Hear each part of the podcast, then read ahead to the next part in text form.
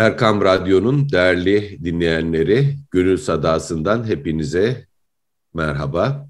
Kıymetli hocam Saadettin Ökten ve ben Deniz Kemal Sayar bir Gönül Sadası'nda daha birlikteyiz. Kıymetli hocam merhaba.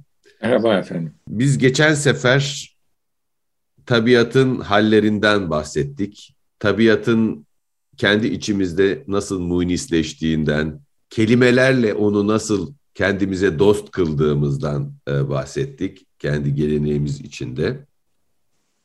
O arada e, bir mevzuya geldik. E, can ten mevzusu.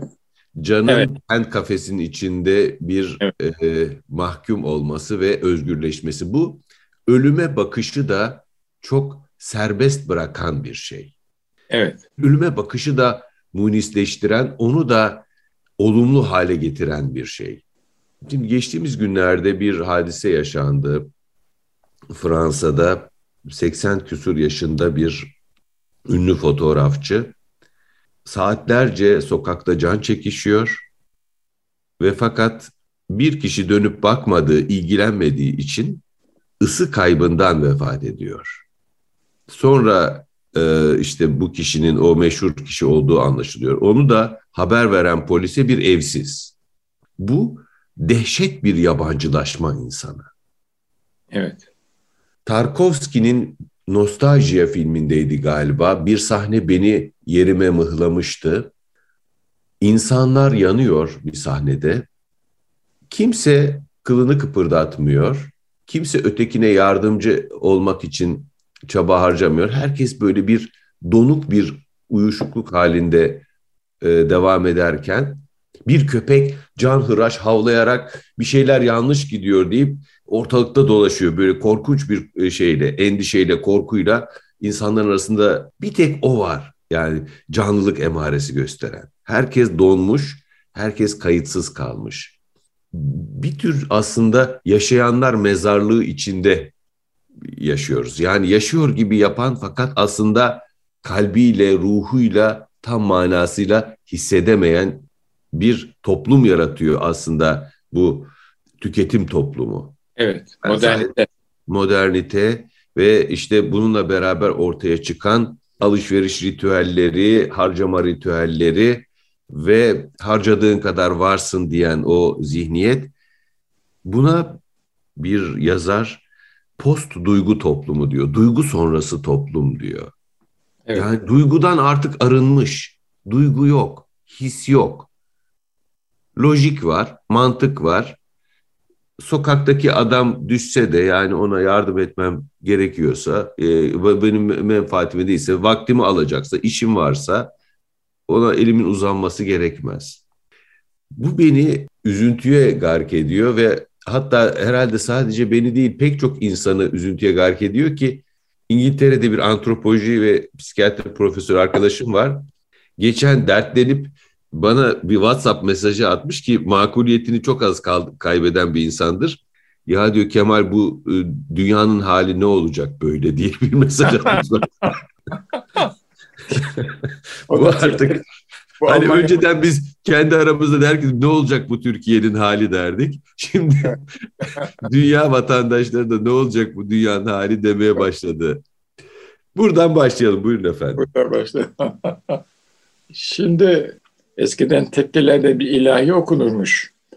Ee, ben onu merhum dayımdan e, biliyorum. Bu dünyanın türlü türlü halleri gönül sabretmeli elden ne gelir. İlahi böyle. Çok Bu dünyanın türlü türlü halleri. Şimdi efendim şöyle tabii ki hı hı. bu e, modernite yani akılla her problemi çözerim ve hayatı düzenlerim. Öyle bir nizam kurarım ki adeta burada e, her şey zamanında olur, hiçbir aksaklık olmaz. E, biraz evvel bahsettiğiniz o ünlü fotoğrafçı düşerse yere onu kaldıracak olan işte sosyal dayanışma kurumudur, hastanedir, hemşiredir, o vardır. Biraz bir ambulans gelir filan ve ben dokunmam, dokunamam zaten filan böyle bir düzen kurulmuş. Bu çalışıyor mu çalışmıyor mu belli değil. Ama bu düzene karşı çıkarsanız sizi çağ dışı ilan ediyorlar. O da var yani. Sizi akılsız görüyorlar sizi. Ama beri yandan da insanlar ne kadar e, reddetseler de gizleselerse duygu boyutunu hayattan çıkaramazlar. E, o bakımdan sanki bir manada duygunun üzerine kalın bir örtü çekmiş gibi ama alttan duygu görünür. Endişeler görünür. Bunu özellikle şi- şiirlerde, romanlarda görüyoruz onu, o endişeleri. Tabii siz böyle parça parça söylediniz. Ben de parça parça cevap vereyim. 99 depremi oldu. Bir küçük çocuk tanışıyoruz. Modernist olduğunu iddia eden bir ailenin yetiştirdiği çocuk. Biz o depremde yani o olayın daha başlangıcı o fecaati görmedik ama endişelerimiz var yani aile olarak. Bu küçük çocuk dedi ki ne olacak canım dedi benim sağlık e, sağlık ve hayat sigortam var dedi. Ben orada ilk defa bu modernitenin bu reel ve rigid yüzüyle ve soğuk yüzüyle evet. biz bize bir şey olmadı, ailemize de bir şey olmadı ama hissediyoruz ki yani 17 Ağustos sabahı saat 9, 10, 11 o civarda geçiyor bu mükaleme. Biz endişe ediyoruz. Ne oldu? Çünkü hatlar kesik vesaire. Çocuğun şeyi şu, argümanı, benim hayat ve sağlık sigortam var. Bitti bu kadar. Ve bu çocuğun bunu tek başına düşünmesi mümkün değil. Böyle bir dünya, böyle bir insanlık. Sonra bir yeni halbuki, bir... Halbuki çok özür dileyerek bir parantez tamam. açacağım kıymetli hocam. Kadere karşı sigortalanamayız. çok güzel. Evet. Hiçbir sigorta işlemez orada. İşlemiyor değil mi? Evet. Yani, evet. Sonra bir başka e, kare yine hayatımdan bir doktor beyefendi. Ben çocuklarımı çok lojik yetiştiriyorum. Çok, çok hissi yetiştirmiyorum argümanıyla hayatın içinde. Bu hanım hanımefendi de doktor, bunlar böyle. Sonra bu doktor beyefendinin pederi rahatsızlanıyor. E, bakıyorlar ki kanser olmuş. Hı hı. Ve pek az bir ömrü kalmış. O zaten söylemiyorlar ama o anlıyor zaten hadiseyi. Doktor beyefendi dedi ki ben dedi evet böyle diyordum ama babam hastalanınca olayın öyle olmadığını anladım dedi. Evet. Yani e, babam ve babama söylemek noktasında çok gittim geldim. Ama dedi anladım ki iş böyle sadece duygusal yetiştirmiyorum. Ben çok lojik yetiştiriyorum. Bundan olmuyormuş hadise dedi ama böyle bir o da bir anekdot.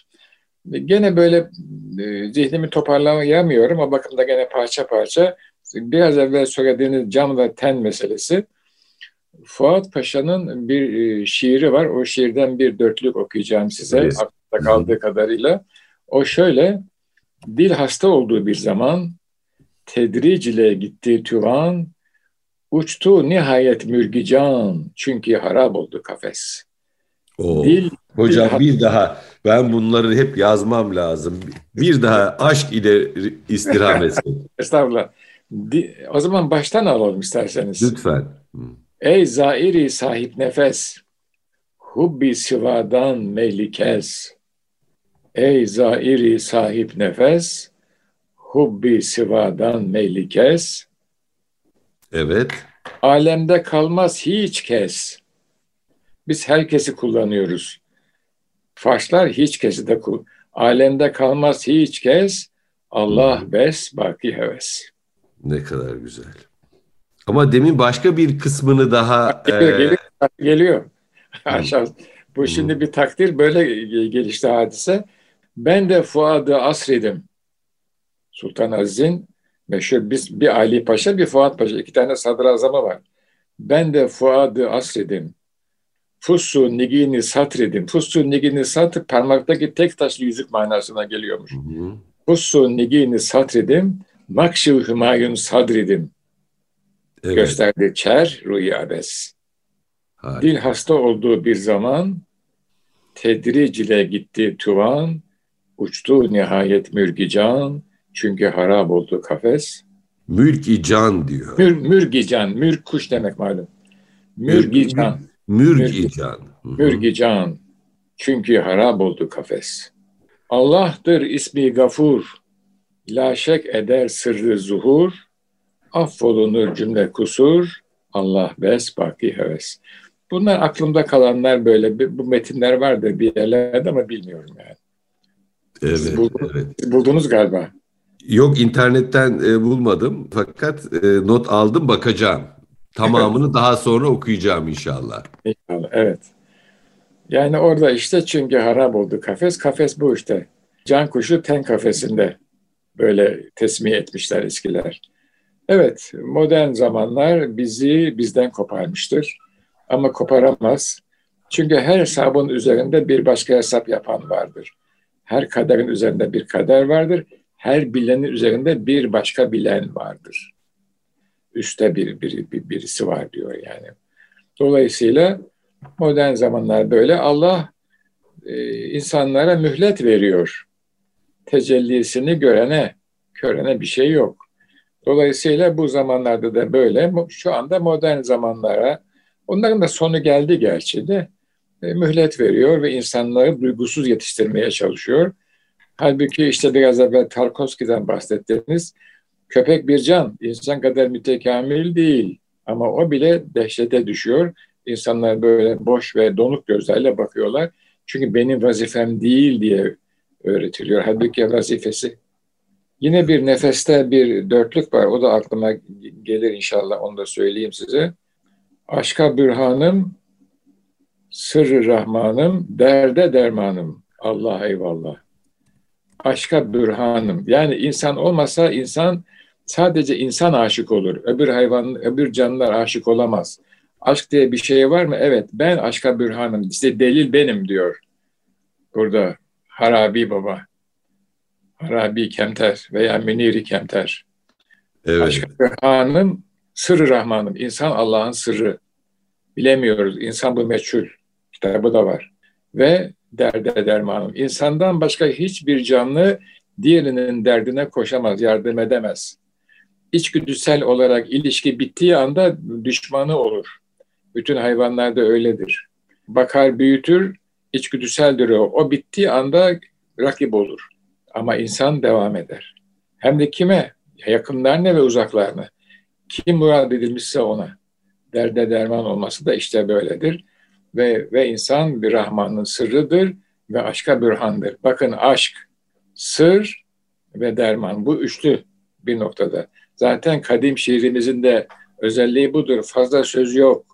Bu hece vezne yazılmıştır. Derde dermanım, e, sırrı bürhanım, aşk, aşka bürhanım, sırrı rahmanım. Allah'ın bir sırrıyız.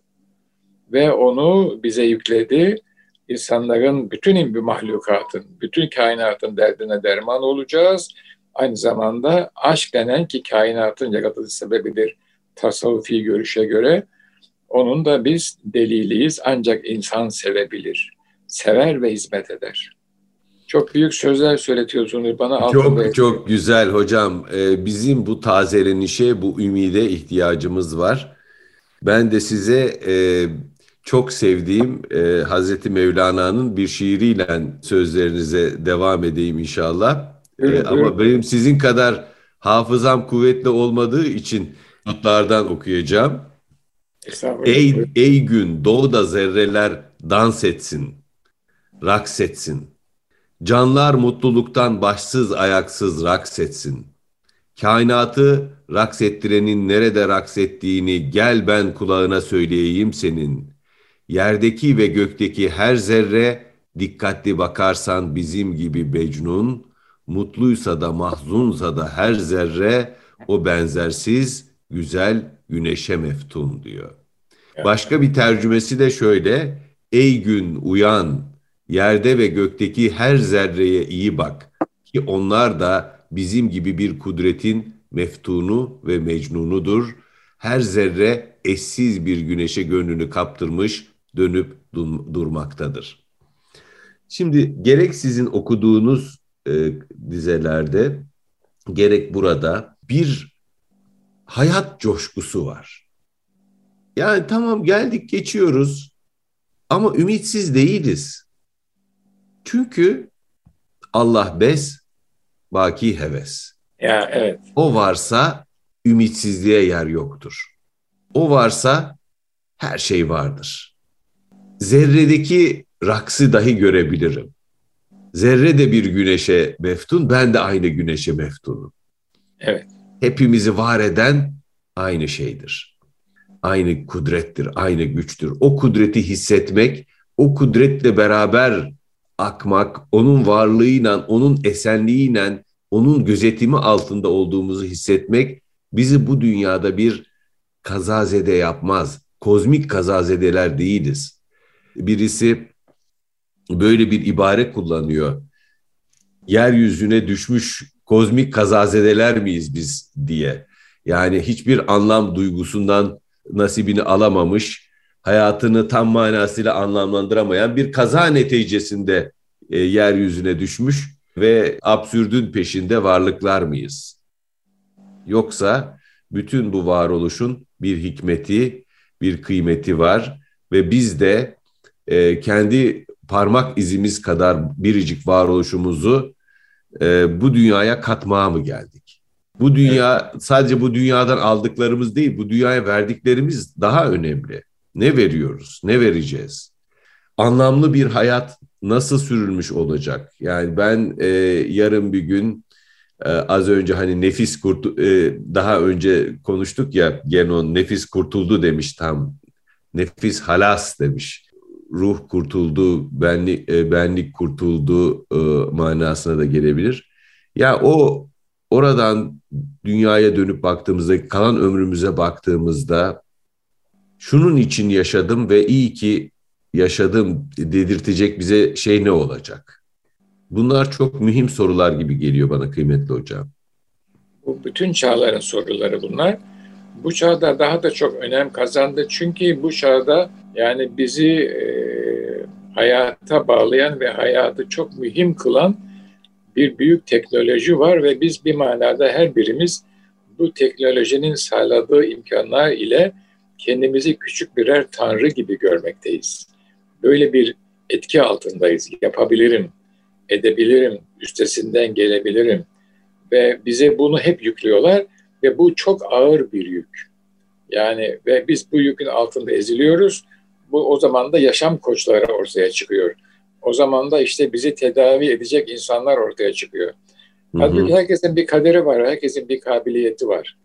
Hı hı. Siz söylerken benim aklıma ayet-i kerime geldi. Ben insanları ve cinleri ancak bana ibadet etsinler diye yarattım. Hı hı. Bu hayatın gayesi.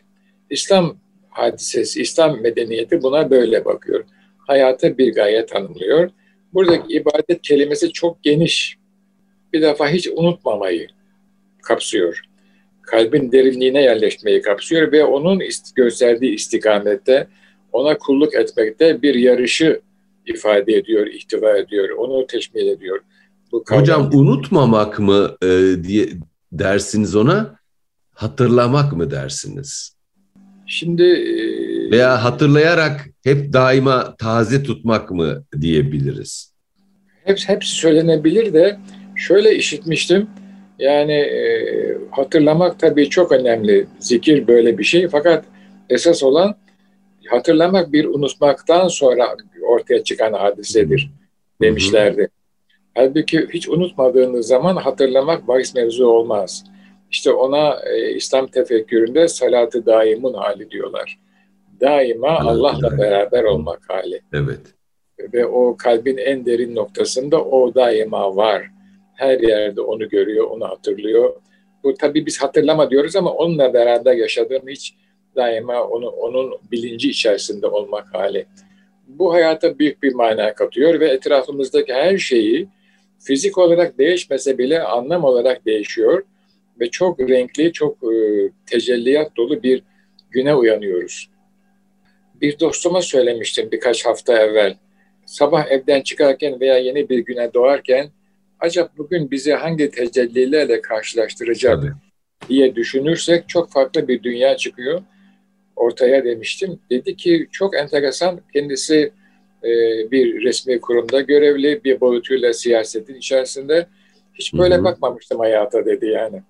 E, dün bıraktığımız yerden nasıl devam edeceğiz diye bakıyordum. Ama doğru evet o, onu, onu reddetmiyoruz. Ama acaba bugün hangi tecelliyatla bizi karşılaştıracak? Yani böyle düşündüğümüz zaman yine aynı rutini yaşarız veya yaşamayabiliriz. Ama rutinler... O kadar, o kadar mühim bir şey ki kıymet hocam. Çok özür dileyerek araya Tabii. girdim. Tabii. Modern zihinde şu var. Niye benim başıma geldi? Benim başıma gelmemeliydi. Ama bu bakış açısında yani nereden hangi rüzgarın eseceğini ben bilemem. Tecelliyat nasıl zuhur eder onu bilemem. Ee, her şey nasıl şeyler, olaylar nasıl akar, yarınım nasıl bir imtihana gebedir bilemem. Bambaşka bir zihniyet. O zaman kabulleniş var. O evet. zaman yani haktan gelen şeyi e, alıp başın üstüne koyuş ve oradan e, yeni bir istikamet tayin ediş var. Ha, hayatı hani her dem yeniden doğarız. Bizden kim usanası diyor ya Yunus. Evet. Her dem yeniden doğma hazır bir hayat evet. orada. Evet. Evet. Aynen öyle. Ama dediğiniz gibi yani modern insan benim başıma bu niye geldi gelmemeliydi dediği zaman o e, başına gelen şeyin kendisi gibi bir başka özne tarafından oluşturulduğunu varsayıyor, onu öyle kabul ediyor ve bunu kabullenemiyor. Ama kendi üzerinde her şeye hakim, her şeyin sahibi, bir otoritenin, bir büyük gücün varlığını kabul ederse hayat çok daha kolaylaşıyor. O çok mühim bir şey. Yine Tabii. şey galipte var.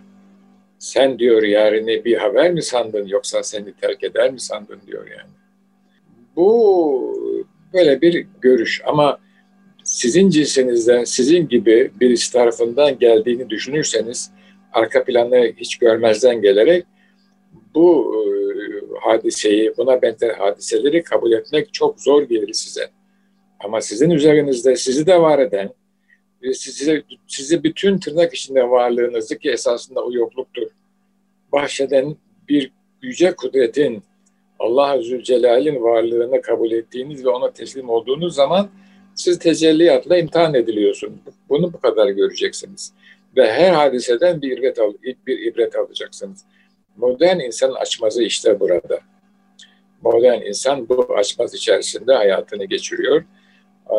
Çok kıymetli zamanları var. Çok büyük yetenekler kendisine bahşedilmiş, büyük imkanlar bahşedilmiş ama giderek görüyor ki hayatın getirdikleriyle bir fiil başa çıkması mümkün değil. Eskiden evlerin duvarlarında vardı ah teslimiyet. Evet. Bu teslimiyet kime? Layık olana, sizin üzerinizde sizi var eden ve size el bütünüyle kuşatan bir varlığa teslimiyet. Biraz daha açalım ve biraz daha yeryüzüne indirelim hadise isterseniz. Hı hı. O büyük varlığın Yüce Allah, Allah Zülcelal e, Teala ve Tekaddes Hazretlerinin elçileri var, peygamberleri var. Onları yeryüzüne göndermiş ve onların e, varisleri var. Böyle ala meratibihim eski tabirle, yeni tabirle hiyerarşik olarak bir teslimiyet halkası var. Eskilerden yine işittiğim eski diplomalara yazarlardı icazelere el ele el hakka. İnsan, el ele el hakka. El hakka. Çünkü en sonunda siz haktan gelen şerbeti içtik elhamdülillah oluyor yani. Kaynak o. Kaynak insan değil. İnsanlar sadece naklederler. Haktan gelen şerbeti içtik elhamdülillah. Şol tevhid denizini geçtik elhamdülillah diyor Hazreti Yunus. Haber geliyor. O habere ammenna ve saddakna diyor. Yetmiyor. Sonra o haberin eski tabirle mucibi muktezası. Şimdi lisan da kalmadı yani. Nasıl ifade ederseniz ben o kadar söyleyeyim.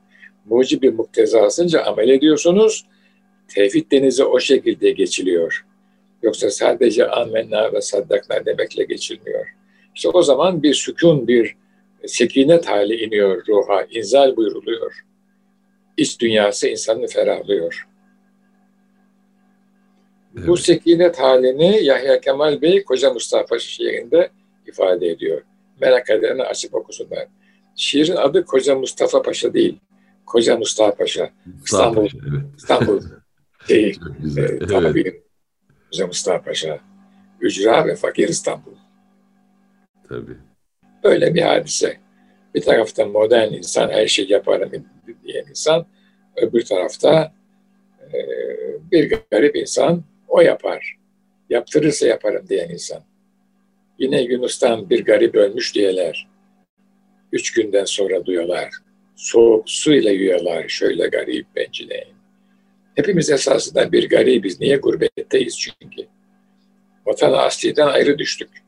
Burası geçici bir yer. Uğraşıyoruz, çalışıyoruz. Tabii ki çalışacağız. Uğraşacağız.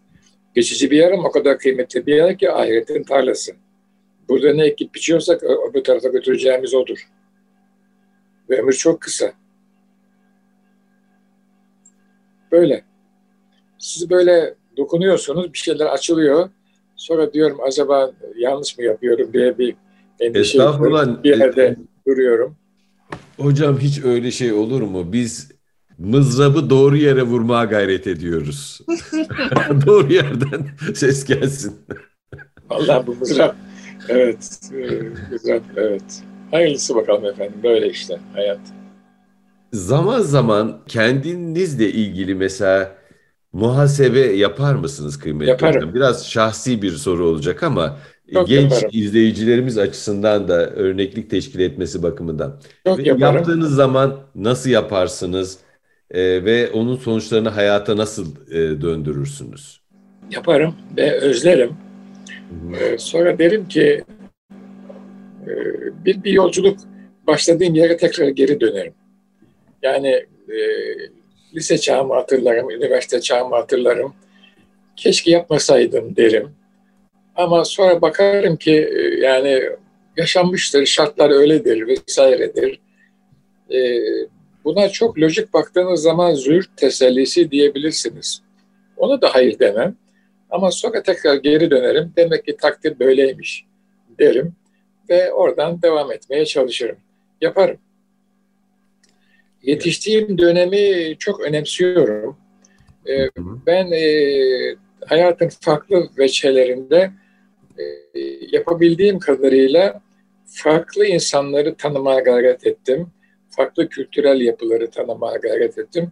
Onlarla hala devam ediyorum. Şu anda miladi 80 yaşına basmış durumdayım. Oh maşallah. Cenab-ı Hak hayırlı güzel ömürler versin inşallah hocam. Amin, efendim. Ee, bu, bu süreç hala devam ediyor zaman zaman da keşke şöyle olsaydı demişimdir. Bunu da çok net söyleyeyim. E, fakat sonra, sonra diyorum ki kendi kendime demek ki takdir böyleymiş. Ve orada da artık e, daha fazla beni ırgalayan, rahatsız eden bir husus olmuyor. Ancak şunu özellikle şu son yıllarda çok net ifade edeyim. Yetiştiğim e, içtimai muhit çok önemliymiş ve bana ciddi bir biçim vermiş. Hı Ve bu e, bir medeniyet yolculuğuna çıkacaksak biz eğer İslam medeniyeti adına bu muhitin bana öğrettiklerine basarak yola çıkacağız. Eğer modernist bir muhitte yaşasaydım, o Türkiye'de olmaz. Mesela Fransa'da veya Almanya'da, Amerika'da da olmaz. İngiltere'de belki olabilirdi.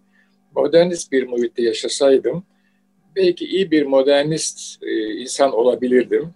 Ama iyi ki olmamışım diyorum yani öyle bakıyorum hadiseye. Ama Türkiye'de modernist boyutta büyümek istemezdim. Batı'da da istemem ya yanlış anlaşılmasın. Ama yani aldığım terbiye, pederimin ve çevresinin dokunduğu noktalar çok önemliymiş. Bir medeniyetin yeniden hayata geçirilmesi, yorumlanması bahis mevzu olacak ise. Eksiklerim var mı? Tabii ki var. Ama hayat bir bütün yani e, bir, bir kompozisyon. Kendimi şöyle yorumluyorum. Ben duygusal bir insanım. Peki niye mühendis oldun derlerse e, kader diyorum yani yapacak bir şey yok yani. Ne yapalım? Yani böyle böyle yani. Ama hocam bu sizin için bir zenginlik benim e, görebildiğim kadarıyla. Siz maddi e, bilimleri de manevi bilimleri de e, yakından ilgi görme, tanıma şansınız olmuş. Dolayısıyla aslında sizin mühendis kafanız bazı şeyleri çok daha iyi, pratik bir şekilde çözümleyebilmenizi sağlıyor. Ve e, maddi bilginin sınırlarını da görmenizi sağlıyor. Bunlar doğru evet. Bunlara hayır demeyeceğim. Evet doğru. Ama ne bileyim işte insan zaman zaman da acaba şöyle olsaydı böyle olsaydı ama şunu söyleyeyim ben böyle çok fazla düşünsel ve bilimsel şeyde gelemem.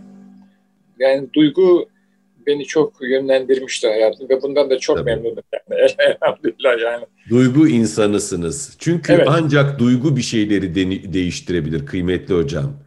duygunun eşlik etmediği e, saf mantık ve saf ustan oluşan hiçbir şey davranışlarımıza köklü bir değişikliğe sebep olmaz. Duygu ancak içimize yerleşir. Bir hadiseyi duygu ile beraber yaşarsak, mesela bir hadise bizim bizde kuvvetli bir duygu uyandırırsa biz onu 10 sene 20 sene sonra hatırlayabiliyoruz. Doğru, Toplumda evet. kuvvetli bir ortaklaşa duygu yaratan durumlar köklü dönüşümlere olumlu yönde bazı şeyleri inşaa e, sebebiyet verebiliyor.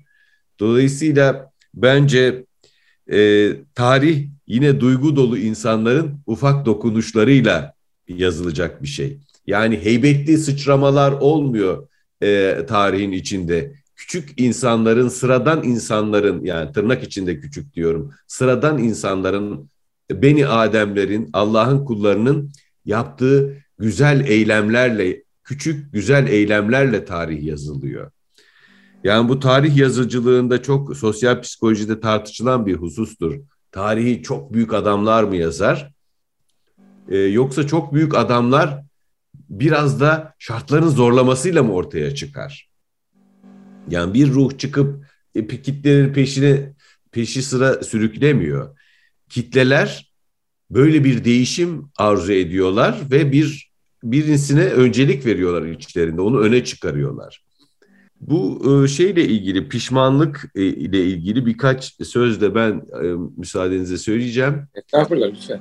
Fallor ergo sum diye bir söz geçtiğimiz günlerde okudum. Çok hoşuma gitti. Cogito cogito değil yani. Yok değil. Fallor ergo sum. Yanılıyorum o halde varım. İnsan Aa. evladı yanılmaya yazgılı bir varlık. İnsan evladı e, hata işlemeye yazgılı bir varlık. Meğer ki hatasından öğrensin. Hatasından öğrenerek kendisini geliştirerek hayatına devam edebilsin. Pişmanlık e, da e, aslında yeryüzünde yanılabilir bir insan olduğumuzu kabul etmek demek. Yani ben olduğumdan daha iyi bir insan e, olabilirim. Bir hata yaptım. Keşke o yoldan değil de bu yoldan gitseydim. Ama şimdi bunu idrak edebiliyorum. Geçmiş orada durmaya devam ediyor.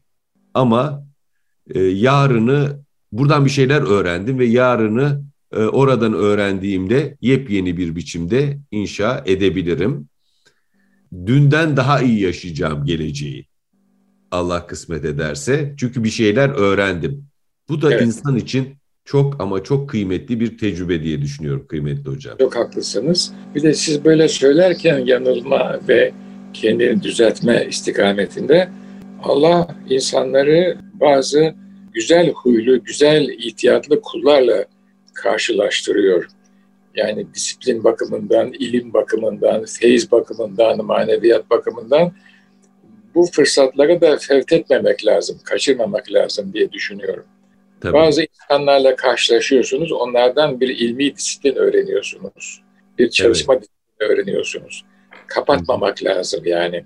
Ve bu hep devam ediyor hayat boyu. Yani benim artık öğrenmeyi bıraktım veya şu insan benden küçüktür, rütbesi benden aşağıdır böyle değil. Esasında ondan size bir haber geliyor. O bir aracı. Size bir şeyler söylüyor. Bu sanatta böyle, Hı-hı. benim uğraştığım yani teknolojide böyle, efendim yazı hayatında böyle, gündelik hayatta böyle. Dolayısıyla bu insanlarla da teması hiç kesmemek gerekiyor. Benim hayatımda böyle insanlar var, böyle e, kurumlar var. Bunlar bizi disipline ediyor, biçimlendiriyor. Tek bir kurumla da e, şimdi siz böyle söyleyince ben tekrar maziye dönüp böyle şerit gibi geçiyor hafızamdan geçebildiği kadarıyla. E, tek bir kurumla da iktifa etmemek lazım tek bir kurumun içerisinde de kaybolmamak lazım. Ne kadar güçlü olursa olsun. Benim böyle hayatımda farklı kurumlar oldu. Hı hı. Bu kurumlardan ben çok şey öğrendim. Ee, biraz evvel siz söylediğiniz işte bir takım fizik bilimleriyle bir takım manevi bilimler imtizacı öyle oldu. Sonradan sonradan gördüm ki bunların vaazı aynı. Hatta bazı yerlerde yazdım, bazı yerlerde söylüyorum. Benim hı hı. uğraştığım Newton kanunlarını vaz edenle şer-i şerifi, sosyal yasaları vaz eden aynı kanun vazı. Kadir mutlak, başka kanun vazı yok. birisine Newton'un Newton denen bir İngiliz'e bulduruyor bu kanunları matematik olarak ifade ettiriyor. Ötekini de bize büyüklerimiz söylediler. Dediler ki şer-i şerifin kanunları böyledir, böyle davranmak mecburiyetindesin. Onlara göre davrandığımız zaman biz müstakim oluyoruz. Newton kanunlarına göre davrandığımız zaman da yaptığımız binalar yıkılmıyor. Vaazı aynı. Bu noktaya evet. geldiğimiz zaman öyle ikili filan bitiyor iş. Diyorsunuz ki sana onları öğretti, bunları da öğretti, eyvallah. Sıkıntı oldu mu? Zaman zaman oldu ama o varsa sıkıntı yok. Küçük Hüseyin, Küçük Hüseyin Efendi, büyük şeyhlerden, hazretlerden, bir Nakşi meşayihinden Allah'ımız var ne gamımız var buyurulmuş. Bu şekilde Tabii. hayatı götürüyoruz efendim. Eyvallah. Kıymetli hocam çok teşekkür ederiz. Bize ayrılan sürenin bir kez daha sonuna geldik ama inşallah sohbet devam edecek önümüzdeki haftalarda. Gönlünüze bereket, ömrünüze bereket. Bir mukabele efendim, eyvallah. Değerli Erkam Radyo dinleyenleri, Gönül Sadası'ndan şimdilik bu kadar. Önümüzdeki hafta yeni konularla, yeni çağrışımlarla, yeni tedavilerle devam etmek üzere. Hoşçakalın efendim.